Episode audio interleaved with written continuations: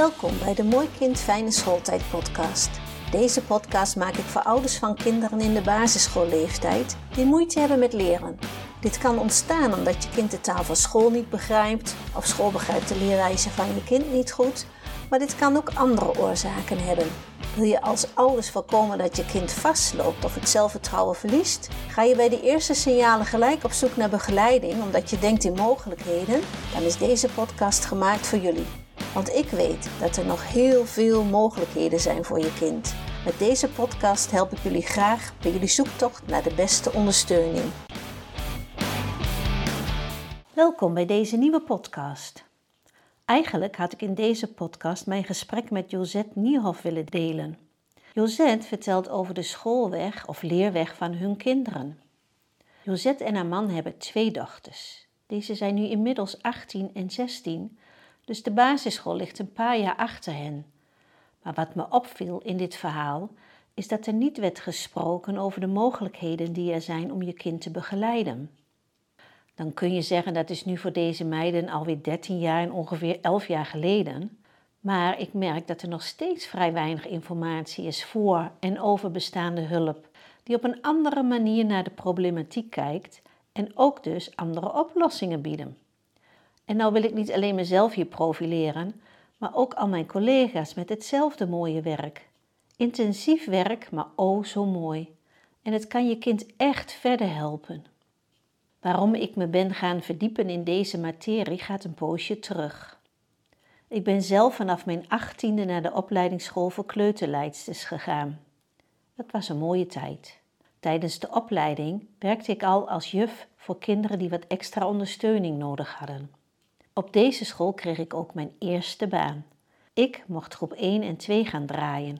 Ik voelde me een kind met de kinderen. Op deze school stond het kleutergebouwtje nog apart. En kon ik zo mijn eigen sfeer creëren en ook kon ik mijn eigen aanpak inzetten. Een soort zelfstandig ondernemer die door ervaring achter van alles kwam. Ik had vanuit de opleiding een kinderenvolgsysteem meegekregen en die pakte ik erbij om te kijken in welke ontwikkeling een leerling zat. Er was geen CITO-score, alleen je eigen ontwikkelingslijn. Voor sommige kinderen betekende dit dat ze groep 2 nogmaals deden, omdat je merkte, samen met de ouders, dat ze nog niet toe waren aan groep 3. Nu zou ik meer daarover kunnen uitleggen wat er aan de hand is en waarom het beter is om met bepaalde dingen aan te leren even nog te wachten. Ik zeg niet dat elk kind dan maar moet wachten, maar sommige kinderen zitten nog niet in de ontwikkelingsfase om goed te beginnen met groep 3. Maar ook als een kind nog niet in de juiste ontwikkelingsfase zit, is het niet zo dat je dan niets kan doen hoor. Er zijn genoeg oefeningen die ingezet kunnen worden om het proces op de juiste manier te ondersteunen. Na zo'n beetje negen jaar voor de klas te hebben gestaan, werd ik de trotse moeder van twee jongens. Zoals eerder verteld in een andere podcast, verliep de schooltijd van onze eigen kinderen niet zoals ik graag wilde en zoals je verwacht als ouders. Ik was toen al erg teleurgesteld over wat de school kon bieden aan begeleiding en ook waar ze mee bekend waren. Beide kinderen kregen een label. Dus ik weet wat het betekent. Maar kom er steeds meer achter dat een label, dus een etiketje zeg maar, niet zoveel zegt en ook niet zo heel veel helpt. Tenminste, bij ons niet. En ik wilde niet dat mijn kinderen hun label werden, hè, hun etiketje. En dat ze bij alles zouden zeggen: ja, maar dat kan ik niet hoor, want ik heb dit en uh, ik heb dat. Of dit goed is, weet ik niet, maar zo ja, is het bij ons gegaan. Na 13 jaar ben ik gestopt en heb daarna van alles aangepakt, waaronder me gaan verdiepen in de Sudbury Valley School, een mooie school in Amerika. Het Sudbury-onderwijs is een vorm van bijzonder onderwijs die is vernoemd naar de Sudbury Valley School, die in 1968 werd opgericht in het Amerikaanse Framingham. De structuur van de Sudbury School is gebaseerd op een directe democratie. Iedereen in de school, leerlingen en staf, dus zeg maar de begeleiding, de leraren, hebben een gelijke stem in de volledige organisatie van de school. Bij dit type onderwijs zijn kinderen volledig verantwoordelijk voor eigen leven, leren en toekomst. Er zijn geen opgelegde klassen, leerplannen of overhoringen.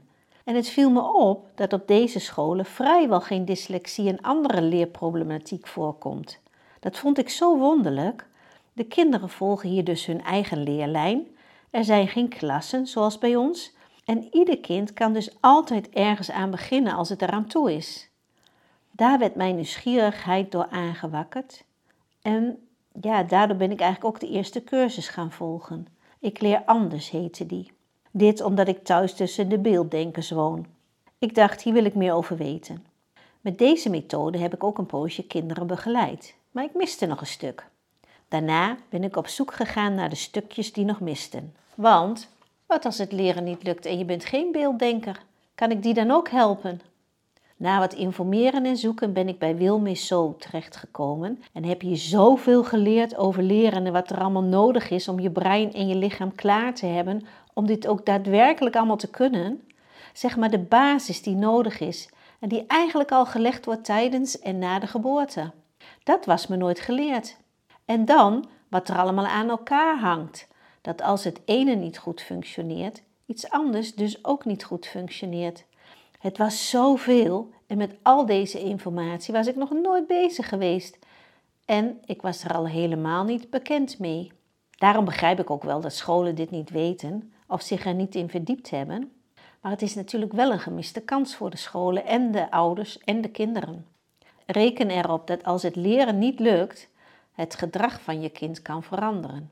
En ook zijn zelfvertrouwen, dat hij minder wordt of zelfs helemaal kan verdwijnen. En dan is de schooltijd lang, heel lang. Nu ik me psychomotorisch leer- en gedragsspecialist mag noemen, blijf ik nog steeds heel nieuwsgierig naar alle informatie en cursussen die er zijn en die te maken hebben met het brein en het lichaam. Het is zo mooi om te ervaren dat het zo mooi samengaat. Die samenwerking tussen je lichaam en je brein is zo belangrijk, maar vaak wordt er helemaal niet bij stilgestaan. En dit is natuurlijk bij iedereen wel eens uit balans. Haal bijvoorbeeld een steek los van een gebreide trui en de hele trui rafelt los of er, er ontstaan gaten in de trui.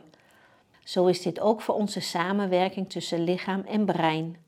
Daarom denk ik dat als je kind niet lekker functioneert op school en je kijkt alleen maar naar dat waar het niet goed gaat, ja, dan sla je toch wel echt de plank mis. Dan begin je ergens dus de trui te maken, maar niet daar waar het gat is ontstaan. Zomaar ergens omdat je ziet dat je trui kapot is. Als je op zoek gaat naar de steek die los zit, dan maak je de trui daar waar het probleem is ontstaan. Dus ik ga ervan uit dat iedere ouder en iedere leerkracht dit wil voor zichzelf, maar natuurlijk ook voor de kinderen. Dat je eerst meer leert over die samenwerking en wat daar al allemaal voor nodig is. En ook wat er fout kan gaan en dan natuurlijk de oplossingen daarvoor. Want als je kind te vroeg begint met leren schrijven, dan is de kans groot dat het hele schrijfproces hierdoor lastig blijft. Ik vraag me echt af waarom hier niet bij stilgestaan wordt als we hiermee beginnen.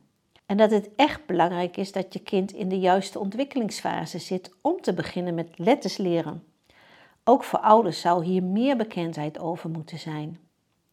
Heb je nou zelf ideeën of tips hoe hier meer aandacht voor verkregen kan worden? Of heb je zelf een verhaal wat je wil vertellen in deze podcast, waarmee we mensen, kinderen, ouders, scholen verder kunnen helpen? Dan hoor ik dit graag. En ik hoop dat ik in de volgende podcast Josette haar verhaal kan vertellen, samen met Josette natuurlijk. Dit is even een projectje waar ik vreselijk tegenop zag, omdat we dit via Zoom hebben gedaan. Josette woont namelijk een eindje bij me vandaan. Alles ging goed totdat ik de helft van het gesprek wel terugvond en de andere helft niet. Nou, dan baal je. En ik dacht gelijk aan al die kinderen die maar blijven oefenen op datgene wat niet lukt en dat het maar niet gaat ondanks alle goede bedoelingen.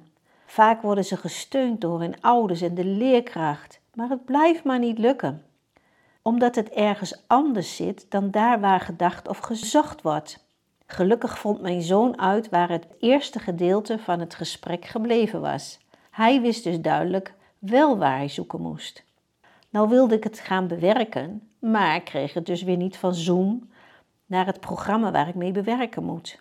Ja, dan heb ik dus weer hulp nodig. En dit is dan nog maar een paar keer, Maar daar word je toch al onrustig van, zeg. Laat staan dat het je elke dag niet lukt. Je hebt dan iemand nodig die uitzoekt waarom iets niet lukt en dat er natuurlijk mogelijkheden zijn om het wel te kunnen. En daar wil ik nou graag meer bekendheid aan geven. Help mee door het beluisteren en delen van deze podcast. Heel erg bedankt en tot de volgende podcast. Bedankt voor het luisteren naar deze podcast. Wil je meer Mooi Kind Fijne Schooltijd podcast beluisteren? Abonneer je dan op deze podcast. Luister je via Spotify, klik dan op volgen en op het belletje, dan krijg je een bericht als de volgende podcast er is. Vertel ook anderen over deze podcast. Heb je aanvullingen, ideeën of tips, dan hoor ik dit graag. Je kan met me in contact komen via Instagram of LinkedIn. Een mail sturen kan ook. Stuur deze dan naar info.eigenleerweg.nl En natuurlijk mag je ook een review achterlaten. Heel graag tot de volgende aflevering.